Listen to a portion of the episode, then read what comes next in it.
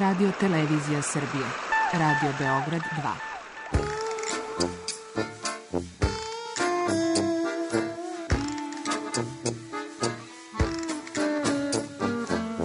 Rekli su mi, gospodine, vi ste promašili temu. Pa ja sam onda promašio život.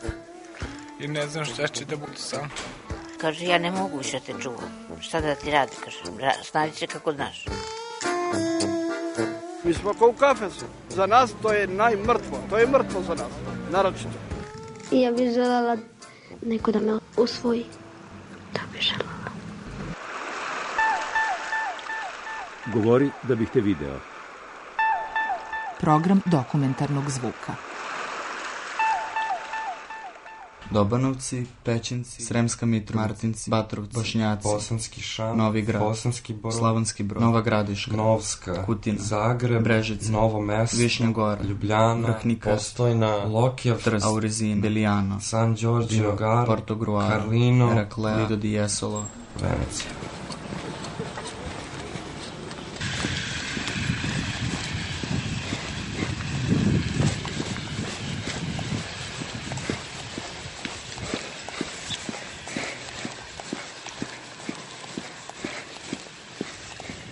Prošlog marta samostalni umetnik Luka Cvetković i kustos Dušan Savić zaputili su se iz Beograda na Venecijansko bijenale.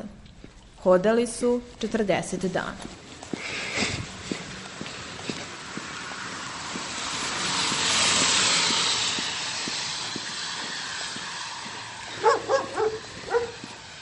Na primjer, nekih šest meseci pre samog trenutka kad ćemo doneti tu odluku, već razmišljali da nešto uradimo povodom, povodom venecijanskog bijenala, da bude subverzivno. Da se desi neka akcija koja će na neki način poremetiti ili dati neki kome, outside komentar Na poredak. e, na poredak, ali i na naš paviljan. Tako da smo mi jedno večer sedeli, ja mislim da je to bio negde oktobar, novembar, novembar 2018. godine i prosto kako obojice dolazimo iz, iz polja umetnosti, vizualne umetnosti, osetili smo da želimo da pružimo jednu vrstu ironične podrške našim predstavnicima na Venecijanskom bijenalu, kao kada svaki, svaki put kada neki naši sportisti nastupaju na raznoraznim sportskim smotrama, uvijek postoji neki entuzijasta koji ode da ih podrži, da li autostopom, biciklom ili pešaka, mi smo odlučili tako eto da poginemo za naše šampione, ovaj, za naše za naše heroje koji su mukotrpnim radom došli na pozicije moći, na pozicije odlučivanja i na kraju na pozicije kojima oni zastupaju celu ovu zemlju. Pre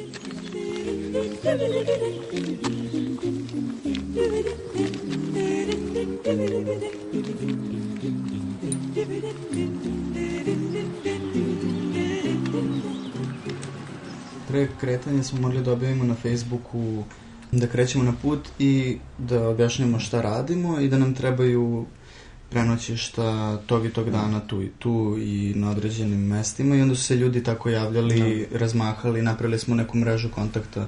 Ali recimo da je to bilo nekih 80% i da je to važilo sve do ulaska u Bosnu.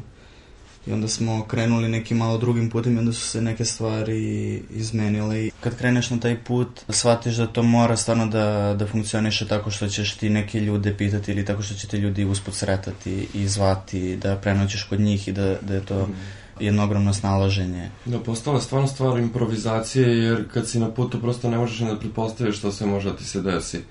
Recimo da smo, znali smo gde dolazimo prvi dan, to je kod moje majke, znali smo u Zagrebu da dolazimo i znali smo u Ljubljanu da dolazimo. Sve ostalo nismo ni predstavu, ni, ni kod koga idemo, nismo poznavali ljude, a nismo ni bili u tim mestima nikad u životu, jer ti ceo taj potez Beograd-Ljubljana i eventualno Ljubljana, Trst, to je put kojim nikad nisam išao u životu, prolaziš autoputem. Sad ne prolaziš autoputem, prolaziš starom cestom i to je potpuno jedan novi doživljaj jer zapravo prolaziš kroz ta mesta i srećeš ljude. Stramattina mi sono alzato, oh bella ciao, bella ciao, bella ciao, ciao, ciao. Stramattina mi sono alzato ed ho trovato l'invaso. Fizičke pripreme nismo imali nikakve. Mhm. I onda smo noć pred putovanje sam prvi put podigao torbu. Mhm. Teško 30 kila. prepuno isto i nekih bespotrebnih stvari koje sam mislio da treba da ponesem i samo sam odlučio da ne pozovem Dušana, da mu kažem koliko je to teško, da, Mm. da ćemo sutra svakako morati da, da krenemo sa tim. Plakao mi se sutra da. Isto. Da. Zapravo, obojica smo se tešili. e, U decembru smo odlučili da krenemo jednom nedeljno u pešačenje po Beogradu i da usput kao razgovaramo o svemu tome što ćemo raditi. I u decembru smo otišli jednom od mog stana na Karaburmi do Lukinog porodičnog stana na, u Zemunu.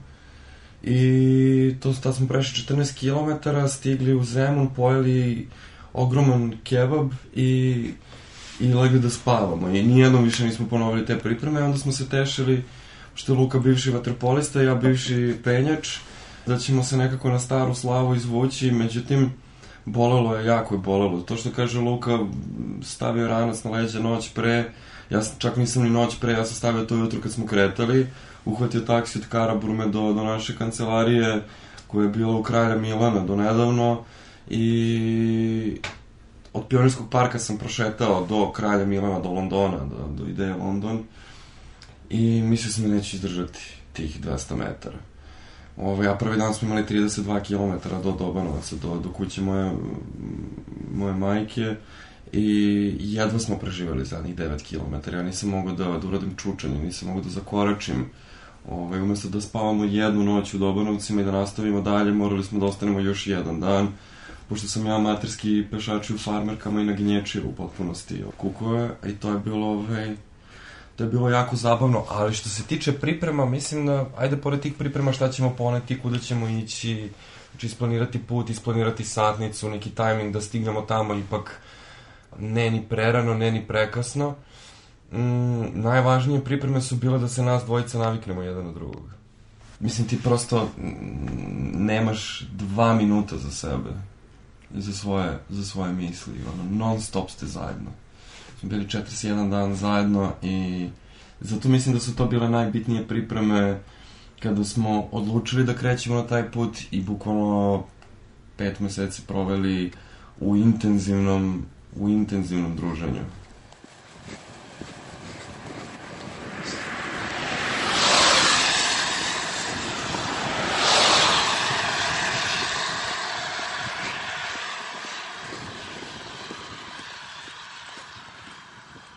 Kad kreneš na put, ti misliš da ćeš se vremenom navići na fizički napor i na psihički napor, međutim on samo počinje da dobije drugačiju formu.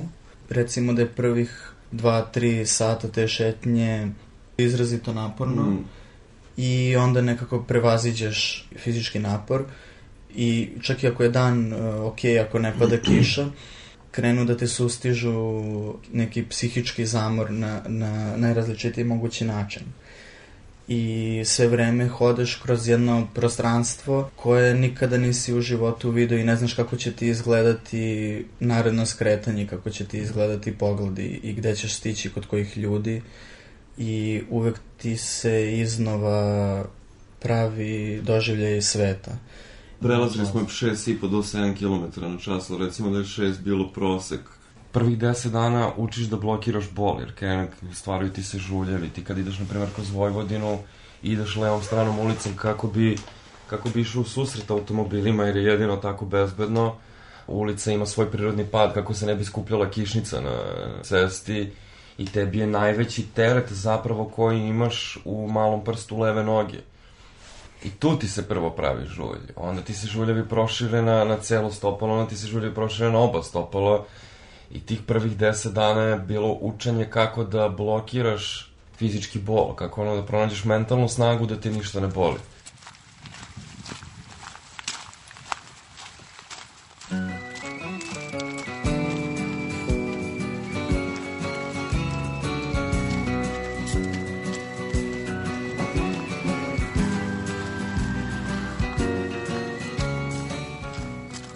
Što je bilo dodatno otežavajuće jeste što je Luka osoba za sebe, ja sam osoba za sebe i nas dvojice treba da se uskladimo sami sa sobom i onda da se međusobno uskladimo, jer najmanje dana bilo u, u tom putu da smo se obojice osjećali fantastično, i fizički i psihički.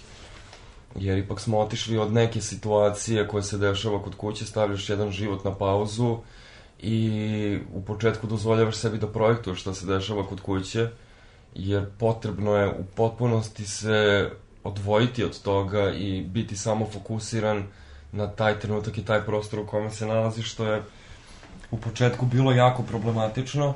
I tačno se sećam tih dana kada smo obojica apsolutno podešeni za, za jednu takvu aktivnost, imamo se smo leteli. Imamo se da nam 20-30 km prođe kao ništa. Trepneš i odjednom si stigao, a bilo je dana kada ideš tih jedno 6 km, stoji ti u glavi da ti je potrebno sat vremena za to, a utisak je da 3 sata već hodaš i pristižeš, i pristižeš, i pristižeš, i nikako da stigneš, i nikako da se završi a, I povremeno dan. se pitaš Čemu? Pa ne samo u čemu, nego kao gde se ja nalazim mm. u ovom Mhm. trenutku. A kao sve vreme te zapravo dižu ti ljudi koji koji te ugoste i koji te na, na sred puta pozovu na rakiju ili na kafu ili na, neki, na neki razgovor i na, daju ti određenu toplinu i podstrek da nastaviš dalje da, da hodaš i onda te to dodatno jača. Zapravo shvatiš da stvari u Beogradu ne mogu da ti daju toliki više impuls i for nego smo oslonjeni jedno na drugo mm. i moramo sami jedno drugo da, da, da konstantno motivišemo. Mi smo imali motivacije na pretek, ali postoje ti trenuci gde ti prosto padaš mm. psihički, a ne smeš da se zaustaviš zato što si negde u Bosni gde više ne prolaze autobusi kroz ta mesta i gde su kuće razrušene recimo od rata i gde na svakih, ne znam, 40 minuta vidiš neku kuću, a imaš jaku potrebu da sa nekim razgovaraš zato što nisi progovorio ni sa kim nekih 5 sati. Ja, prođe dani kada ni on ni ja ne, raz, ne, ne, ne razmenimo reč uopšte. Idemo jedan iza drugog, smenjujemo se ko je ispred, ko je iza, zavisi od psihičkog stanja u kom se nalaziš, nekad ti više prija da pratiš, nekad ti više prija da vodiš, ali jako je čudno poimanje distance koju prelaziš, jako je čudno što ti pešačiš, na primjer, dva dana aktivno i dalje vidiš gradski prevoz koji ide sa železničke stanice ili iz bloka 70, ovi trocifreni autobusi. Jako je čudno što ti treba ono dva i po dana da od početka Fruške gore na horizontu ti dođeš do kraja Fruške gore na istom tom horizontu potpuno se drugačije odnosiš prema vremenu kad stigneš u Bosanski šamac i kada ti oni tamo kažu da im treba sati 45 minuta kolima do Beograda, ti si 6 dana u tom putu već, 7. Jako čudno ti je posle kada zapravo odmotaš sve to, pošto smo se vratili vozom iz Venecije do Trsta i posle od Trsta autobusom za Beograd, jako ti je čudno kada vidiš sa autoputa u daljini taj put kojim si prolazio, a prolaziš ga praktično brzinom svetlosti u odnosu na ceo taj period koji si prolazio dolazeći zapravo do onda. Farsi donna è più che normale, ma una figlia è una cosa speciale. Il ragazzo magari qualche volta hai già pianto per lui. La gonna un po' più corta e poi malizia in certi gesti tuoi.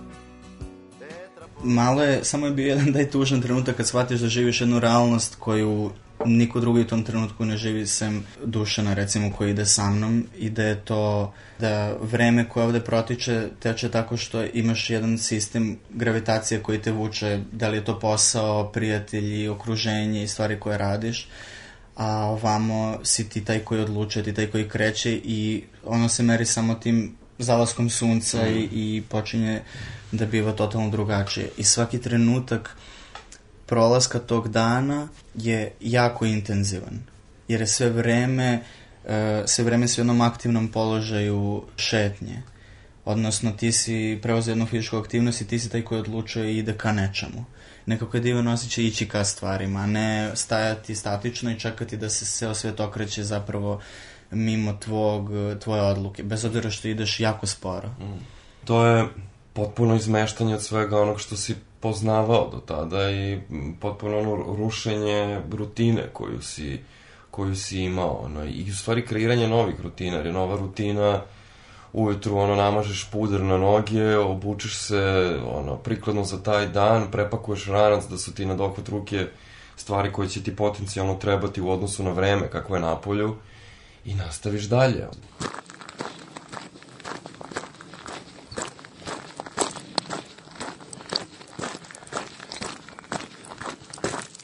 Nakon nekih dvadesetak dana mi smo shvatili da ćemo mi to stvarno uspjeti da uradimo. Nekako nikad nismo ni sumnjali, ali kao već kada si prešao negde do Slovenije, tebi je jasno da će se to dogoditi, ali još pre toga... Ja sam sumnjao na putu do Kutine. bar posumnjao.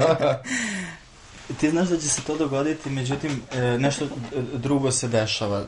Ti van tog transa, koji je neminovan, u koji upadneš i koji ti se odjednom dogodi negde oko sedmog sata tog dana, upadneš u jedan trans zato što od, od zvukova kabanica koje se habaju na, na isti način svako sekunda i, i zvuka koraka i automobila koji povremeno prolaze ili zvuk kiše. I gorionik koji na karabineru škripi na rancu i... na, i, na isti način svakoga dana i verovatno od, od nekog bola koji se već negde zanemario upadneš u taj trans i onda to nekako ti deluje kao da možeš da hodaš u tom trenutku sigurno Beskonačno. beskonačno i to smo u, u takav trans kad smo upali smo i, i uspeli da napravimo tu šetnju od tih 70 km uh, od tog mesta Kutine do Zagreba. Međutim, dešavaju se neke stvari gde ti psihički postane zamorno nešto što nikad u životu ne bi mislio da bi ti predstavljalo problem, a to je recimo da, da pejzaž predugo traje na isti način, kuće koje su naslagane uh, u istom ritmu i svaka kuća ima psa i svaki pas laje jer te je čuo i onda onda shvatiš da taj psihički neizdrž dolazi sa raznih nekih strana. Jer se dešava se upravo ono što je Luka malo pre spominjao sa tim upadanjem u trans, to negde sam povezivao sa, sa afričkom muzikom koju sam mnogo slušao, koju, na primjer, moji prijatelji nisu razumeli, ali to upadanje, upadanje u trans kroz, po- kroz tu ritmičnost, kroz različito preklapanje različitih ritmova, gde se tebi desi da zaista upadaš u određeno stanje transa i počneš da haluciniraš počnu boje da ti se tope, počneš šuma da ti pleše, počneš da čuješ stvari iz te šume koji te uvlači da u nju uđeš. Ali i te halucinacije donose sa sobom ogromnu količinu introspekcije i otvaranje gomilu procesa koje bi želao momentalno da prođeš, ali da bi ih prošao ti ne možeš da budeš na putu, ti moraš da budeš kod kuće suočen sa ljudima koji su ti kod kuće suočen sa situacijama koji su ti kod kuće uopšteno suočavajući se sa životom koji vodiš u tom jednom Beogradu.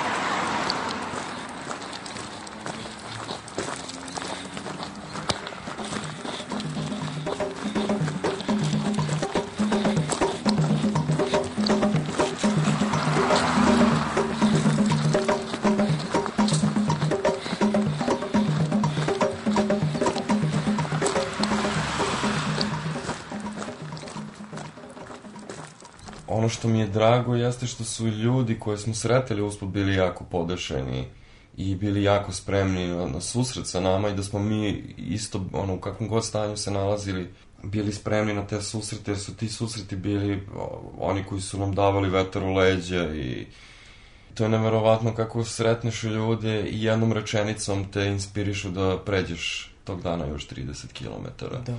Iako si se tih prvih pet mučio, neverovatno. Ili idemo po nasipu od Bošnjaka do Bosanskog Šamca i dobar deo puta posle Županje, posle sela Štitar ideš nasipom Save, ne sretneš nikoga. I ja sam, na primjer, tu potpuno izgubio ovaj, snagu, potpuno sam izgubio motivaciju i samo se desi neki klik da bi pojurio, ono, malta ne smo pretrčali granicu Hrvatske i Bosne, ono, predali pasuše i, i utrčali u Bosnu, imali fantastičan zalazak sunca, imali fantastičan susret koji nam je posle dao vetar u leđe za narednih nekoliko dana kroz Bosnu, koji uopšte nije to je bio jako čudan put jer ti ideš ono 30 km, ne sretneš nigde nikog i ideš pored minskih polja, ti nemaš ni levo ni desno da skreneš jer su sve vreme minska polja i nikog ne srećeš, ne postoji radnja, ne postoji stanovnik ni u jednom selu, ovaj, I onda smo, da, tu smo sreli jednu, jednu baku, u stvari nismo sreli, nego sam vidio da su okačene neki kaputi na kući, zaključio da tu možda neko živi, ušao sam u dvorište i vidio sam neku, ovaj, neku babu da okopava krompir u, u bašti, doviknuo sam i zamolio sam da sipamo vode. Mi rekla, hoćete kafu? Sam rekao, naravno, hoćemo kafu.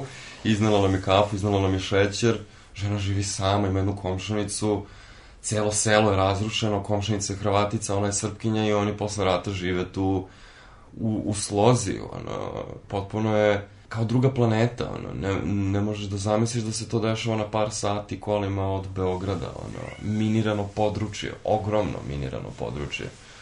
I onda ideš, razmišljaš o tom susretu i razmišljaš o tome šta si prošao i šta si vidio. Onda se vratiš nazad u Hrvatsku, dešava se, na primer, Lukin rođendan je 10. aprila, mi smo na putu, kisnemo, idemo ka Novoj Gradiški, morali smo da uzmemo motel malo da, da odmorimo i da operemo stvari, jer se i dešavalo se ne kupamo po 3-4 dana. 10. aprila je dan NDH, dan osnivanja NDH, prolazimo kroz mesta koji su imali ono svoju istoriju vezano za NDH, mi smo u, u, u restoranu hotela, momci tu neki koji su radili, pitali su odakle dolazimo, mi smo ispričali koja je priroda našeg puta, oni su javili gazdi, gazdi izlazi sa harmonikom i u punoj kafani svira za Beograd, samo za nas dvojicu, za našim stolom i čašćava nas večeru, piće, doručak. Osetili smo se ko sinovi Jugoslavije, osetili smo se maksimalno zaštićeno. Kao da ništa ne može da nam se dogodi. To ti onda da snagu, jer kao u početku razmišljaš, mislim, moj neki utisak i dok smo išli kroz, Sr kroz Srbiju da smo malo nezaštićeni. Da može svašta nam se desi. A, na putu kroz Srbiju i kroz Slavoniju, to je kroz Srem i kroz Slavoniju smo bili doživljeni kao imigranti. Policija nas je stalno zaustavljala, tražila nam pasoše, posebno kroz Hrvatsku. Ja sam, meni je sve vreme u glavi odzvanjalo da, da će nam se desiti scenariju iz filma Deliverance. Ljudi su išli kajakom niz reku ovaj, u, u Luizijani i nale, naleteli su na, na društvo ono, koje ih je silovalo. Čak do, do, dotle tvoj mozak ode, da pomisliš da ćeš biti silovan usput. Se desilo jedno ogromno prijateljstvo sa svim tim ljudima, jer je svako u našem putu našao neki svoj motiv, svoju neku inspiraciju za ono što će oni sutradan ili tog dana uraditi. Ono, neku pokretačku snagu su našli u nama. Mislim, da. Ili prisjećanje na njihovu, na, na, na neku njihovu mladost ili da. kako je to izgledalo, kako su, mm. šta su oni radili u tom trenutku i, i u ostalom... Tu se desio taj da, neki transfer, ono... Pa uvek se događalo to, da, da, da nekako kada, mislim da, da, da je fenomenalno bilo to što smo mi uh, jako verovali u to što radimo i onda kada veruješ u to što radiš, mm. samo se pravi ljudi pojavljaju, nekako oni koji, koji ti trebaju na neki način. To je bila jedna od značajnijih stvari, jer stvarno svi ti ljudi dolaze iz totalno nekih različitih i uh, socijalnog, be, različitog socijalnog backgrounda i uopšte porodičnih situacija i porodičnih dinamika i neki su zaposleni, nezaposleni, bogati, siromašni, kako god, ali svako te prihvati, vrlo te blisko prihvati i postaneš za njega nešto nisi više samo, samo neko ko ide do Venecije, nego postaneš ne, neki njegov isto simbol mm. koji, je, koji on proživljava na sobstveni način i, i dati neku novu perspektivu i snagu da, da dalje nastavljaš da ideš i ti susreti ti postanu vrlo bitni vrlo bitan faktor u tom putovanju. Dok smo, dok smo išli od Bušnjaka ka, ka, ka Bosanskom šancu, na pumpi, na dečko koji je radio na pumpi u kafiću, nam je ispričao priču, pitao nas je šta radimo, mi smo mu ispričali, on je rekao, eto, prošle godine su išli neki francuzi biciklama i onda im se pridružila neka holandjanka i oni su, eto, išli, ono, ne, ne znam dokle su išli, ne mogu se setim više i onda posle dolazimo u Šamac i u Šamcu nam pričaju istu priču kako su sreli iste te ljude, znači i mi smo postali ti neki ljudi koji su prošli kroz njihove živote i verovatno sledeći put kada budu sreli neke putnike, namernike, mi ćemo biti deo tog nekog narativa, ono, deo te neke istorije tog mesta. E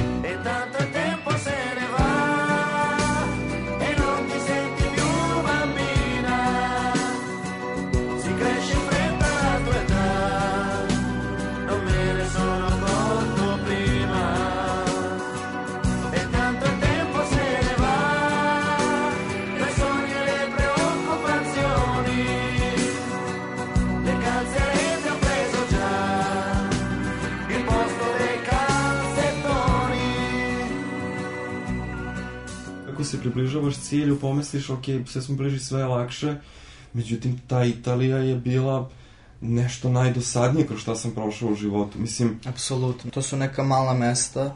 Ja sam sad zaboravio nazive tih mesta, ali, ali nekako ništa se ne dešava tu. To nekako ružno izgleda prosto. Ne dešavaju se ni ljudi, ne postoji...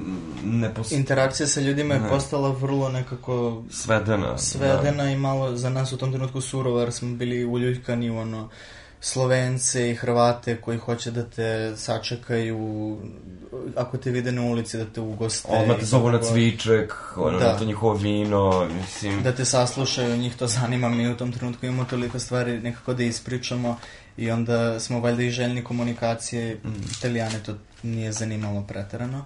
A s druge strane, taj put kao asfaltirani, ti nemaš, uh, imaš jako malo prostora pored automobila i automobili ti idu mnogo bliže nego što se to dešavalo do tada i to počinje jako da te frustrira i pritom je vreme da... bilo loše, tako da ja mislim taj sklop sve tri stvari odjednom bilo čini me se dosta obazrivi ljudi uopšte u kontaktu sa tobom, ne smeš nigde ni da kampuješ, ilegalno.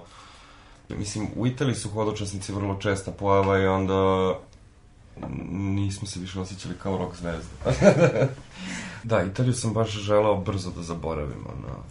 Naprimer, taj predao kada bi prošao, opet bio bi mi jako bolan. U stvari, mislim da smo postali, pa, ja mislim da je postali to smo samo... nestrpljivi da stignemo do cilja. Da, znali smo da je to to da stižemo i da je ostalo još par dana, da je ostalo još jedno noćenje šatorom u jednom trenutku koje će se postaviti da je, da je jedan od najlepših dana bilo na tom putovanju, gde smo mi nekako među sobom rezimirali kako smo se osjećali tokom putovanja i tako dalje.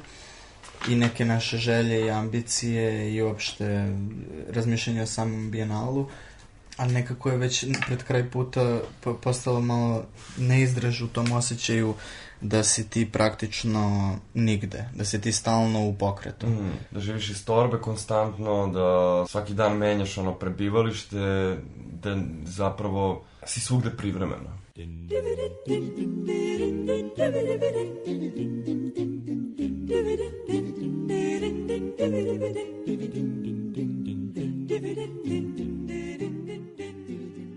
Uvaženi ministri, umetnici i poštovaci umetnosti, Dame i gospodo, dragi gosti, imam čast da vas pozdravim u ime Vlade Republike Srbije i Ministarstva kulture i informisanja na otvaranju paviljona Srbija u okviru 58. međunarodne izložbe savremene umetnosti Bienala u Veneciji.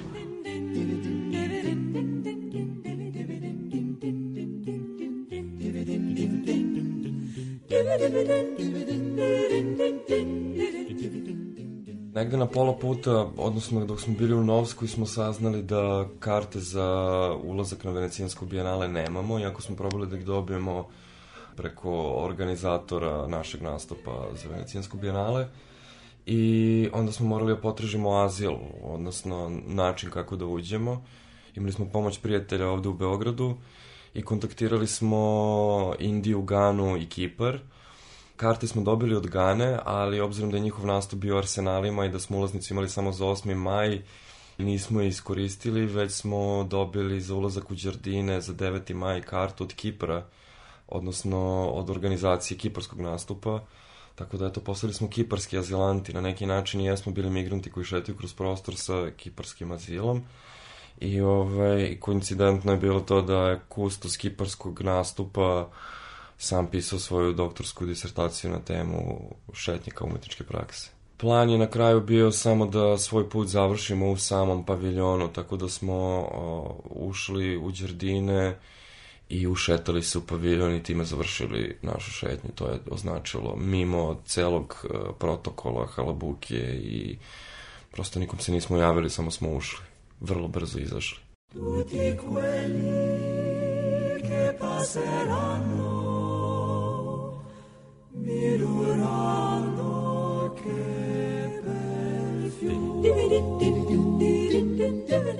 U reportaži Vreme mereno kilometrima čuli ste Dušana Savića i Luku Cvetkovića.